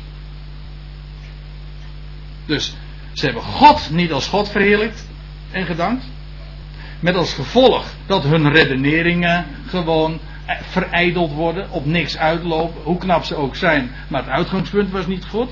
Nou, die redeneringen zijn op niets uitgelopen en staat er dan vervolgens. En het is duister geworden, donker. Ja, logisch natuurlijk, want het enige wat licht geeft in deze wereld, dat is juist het besef dat er een God is. Maar als alles gewoon uiteindelijk het gevolg is van een, een Big Bang. Nou, dan is inderdaad, dan leef je in een duistere wereld, want er bestaat er geen licht, dan is alles volstrekt zinloos. Namelijk onbedoeld. En dus zinloos. Heeft niets zin. Dat is zo triest. Heb je ook geen enkele reden om blij te zijn. Dan kun je wel zeggen, laten we eten en drinken, maar vrolijk zijn is er niet bij. Of je moet zeggen, we gaan dat die vrolijkheid forceren door ons lekker vol te gieten. Ja, hier zit er toevallig alleen maar water in. Hè? En dan, dan, dan bedwelmen we onszelf en dan zijn we dan uh, nep vrolijk. Maar dat is geen echte blijdschap. Echte blijdschap is er alleen als je weet van de dingen hebben zin. Alles heeft zin. Er gebeurt niets voor niks. Er is een God. Kijk, dan heb je reden om te eten en te drinken en ook nog eens een keertje om vrolijk te zijn. Want dan is er een God. Dan is er licht. Dan is er altijd uit, licht en uitzicht en een perspectief. En bovendien ben je heel verstandig, want dat is namelijk de waarheid. Maar je, kunt het ook. Kijk, het is het is negatief waar als je God niet als God erkent, dan lopen de redeneringen op niks uit, dan wordt het duister. En bovendien ook nog heel koud. En uh, ja, dat alles vindt plaats in een onverstandig hart. Maar omgekeerd, als je God kent, dan ben je heel verstandig. Daar begint trouwens wijsheid ook mee, hè? dat weet u toch? Het beginsel der wijsheid is de vrezen des Heren. Daar begint het mee. Dat is geen uitgangs. Dat is, ja, dit is wel een uitgangspunt, maar ik bedoel, daar begin je mee. Het is niet iets waar je uiteindelijk door lange redeneringen uitkomt. Je daar moet je mee beginnen. Als dat niet je axioom is, dan loopt alles, voor niks, dan loopt alles op niks uit. Je redeneringen worden verijdeld. En bovendien, het is, zoals hier staat, het wordt donker. En duister, ja, donker en koud en in je onverstandig hart. Daarentegen, als je God kent, dan is het licht. En ben je verstandig en je redeneringen zijn werkelijk zinvol. Geef nog aan Joden, we gaan even verder, want we, ja, ik zie dat we bijna gaan eten. Ik heb eh, de gelegenheid gekregen tot half één te spreken. Oh, dat moet ik ook wel uh, afgesloten hebben natuurlijk. Dus we gaan even verder. Geef nog aan Joden, nog aan Grieken, nog aan de gemeente Gods aanstoot. De Joden, dat zijn de in wezen is het een religieuze aanduiding. Je hebt de, de, de, de Joden, die, zij die onder de wet leven. Je hebt de Grieken, degene die weer een andere godsdienst hadden. En de, de gemeente gods, de gelovigen. Wel, zegt Paulus, geeft aan geen van hen, de Joden, nog aan de Grieken, nog aan de gemeente gods, aanstoot. Weet je wat aanstoot echt is? Dat is dit. Als je een goede vertaling hebt, bijvoorbeeld de Concordant Version, maar uh, de voorhoefvertaling is ook uh, in deze heel goed. Er staat een struikelblok dat woordje aanstoot, dat vind ik, uh, dat, is, dat geeft uh, ideeën die, het, die niet conform uh, de waarheid zijn. Weet u waarom? Want je hoort nog wel eens een keertje zeggen van ja, je moet andere mensen niet tot een aanstoot zijn. En dan, bedoelt, dan bedoelt men te zeggen van je moet andere mensen niet irriteren. Doe het maar niet, want je bent tot een aanstoot. Dan zeg ik, dat is, als je het zo gebruikt, dan ben je, dat is niet correct dan zeg ik, Paulus deed niet anders dan mensen irriteren. Ja. Nee, het gaat niet om, om mensen te irriteren of te prikkelen. Dat kan heel goed zijn hoor. Het kan heel erg goed zijn om mensen te prikkelen. Nee, het, het gaat hier over een struikelblok. Waardoor ze vallen. Waardoor ze inderdaad. Waardoor ze zouden afvallen van God. Waardoor ze niet bij Waardoor jouw gedrag zijn niet bij, bij God uitkomen, maar juist daarvan zouden worden afgeleid. En dat is een struikelblok. Een struikelblok. Het gaat er dus niet om of mensen geïrriteerd worden door jouw gedrag, maar als het hen van God afhoudt, of van God vandaan, uh, uh, afvoert, ja, dan, dan is het een struikelblok. Dan valt men daar letterlijk over. Ja. Wel, zegt Paulus, doe dat nou niet. Zoals ook ik allen in alles ter wille ben. Niet om mijn eigen belang te zoeken, maar dat van zeer velen, opdat zij behouden worden. Daar ging het Paulus om, om winst. Trouwens, daar had hij het over in het voorgaande hoofdstuk, weet je wel, die renbaan. Over om te winnen. Om die prijs te winnen. Weet u wat die prijs is? Dat is mensenwin. Die prijs, dat, dat zijn uiteindelijk, dat zijn mensen. Gij zijt, hij zegt dat van de Filippiërs ook, hè. Gij zijt mijn krans. Dat is, het gaat erom dat we mensen zouden winnen in, onze, in, in dat wat we spreken, in dat wat we doen en in dat wat we nalaten. Dat is ons, uh, dat is ons oogmerk, dat is, dat nut. Het heeft niets te maken met, met de vraag of het geoorloofd is, maar het heeft te maken met, met nut, met winst. Om uh, niet je eigen belang, maar om dat van anderen te zoeken. Wordt, en, maar daarmee zijn we in feite al in het volgende hoofdstuk gekomen, hoofdstuk 11 vers 1, maar daarmee eindigt deze pericoop Paulus zegt, en dat is een mooie afsluiting. Het is een afsluiting van deze pericoop. Het is trouwens ook de inleiding voor de volgende. Zeg maar de verbindende schakel. Word mijn navolgers gelijk ook ik Christus navolg. Paulus zegt, doe nou net als ik. Wandel in de voetsporen die ik nou hier zo uiteenzet. Niet omdat het moet, maar omdat dat werkelijk God verheerlijkt. Gelijk ook ik Christus navolg. Dat wil zeggen, hij die verheerlijkt is. Paulus zegt niet, gelijk ook ik Jezus navolg, de Jezus die hier op aarde rondwandelde. Nee, Jezus is opgestaan uit de dood en hij is door God tot Heer en tot Christus gemaakt. En hij is de verheerlijkte en zo kende Paulus hem. Paulus volgde niet Jezus hier op aarde na. Dan had hij trouwens nooit een apostel van de natie geweest. Want Jezus beperkte zich hier op aarde uitsluitend tot Israël.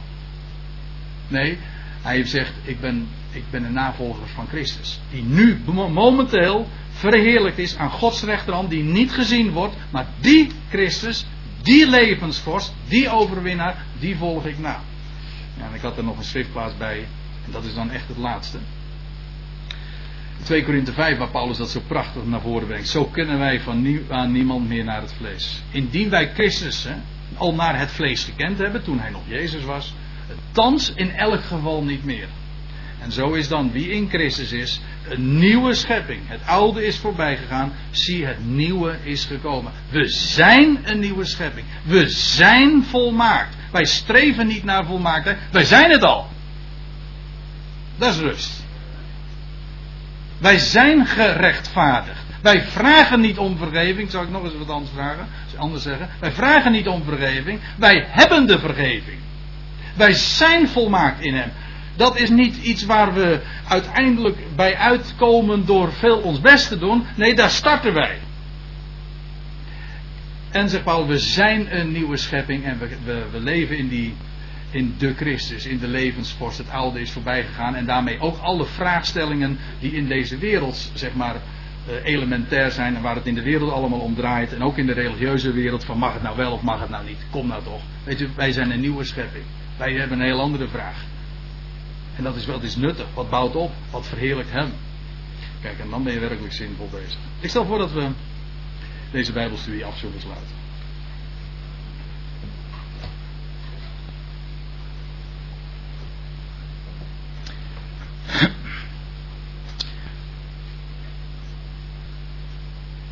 Hemelse Vader, we danken u dat we zo bezig mochten zijn deze morgen met uw woord. En met de rijkdom die daarin staat opgetekend. En dat u ons nooit teleurstelt. En Heer, wat zijn we enorm rijk met, met dat woord. En met de ruimte, de vrijheid die daarin wordt gepresenteerd. Ons voor ogen gesteld wordt. En Heer, we zijn zo rijk met die boodschap die onze apostel, onze leermeester, de leermeester der natie, die afgevaardigde van Christus Jezus, ons heeft doorgegeven, heeft laten, die hij heeft opgetekend. En dat die brieven ons ter beschikking staan en dat ze ons voorlichten. Zo geweldig. We danken u voor de vrijheid die we hebben ontvangen, waarin wij staan. En dat we niet gebukt gaan onder, onder lasten, onder een juk, maar dat we werkelijk vrij mogen zijn. En dat we ons vervolgens in het leven bezig mogen houden met andere vragen. Om de ander te dienen. Om anderen te winnen. Om te doen dat wat opbouwt. Of om ons te richten op de heerlijkheid van u. Heer, we danken u dat u ons zoveel rust geeft. Dat we niet ons best hoeven te doen, dat we niet hoeven te proberen, maar dat we mogen staan op uw belofte. Daarin rust mogen vinden, daarin vrede mogen herkennen en daarin zo'n geweldige blijdschap en toekomstperspectief te mogen hebben. Heer, daarom staan we zo totaal anders in het leven. Zo totaal anders. En hebben we werkelijk een blijde boodschap. Heer, we zijn daar zo rijk mee en geef maar dat we dat ons leven zo op dat niveau, op die toonhoogte ook mag worden ingezet. Zodat we werken dat ons leven één grote ode, één grote lofzang is aan uw machtige naam. Amen. Ik weet niet wat nu verder.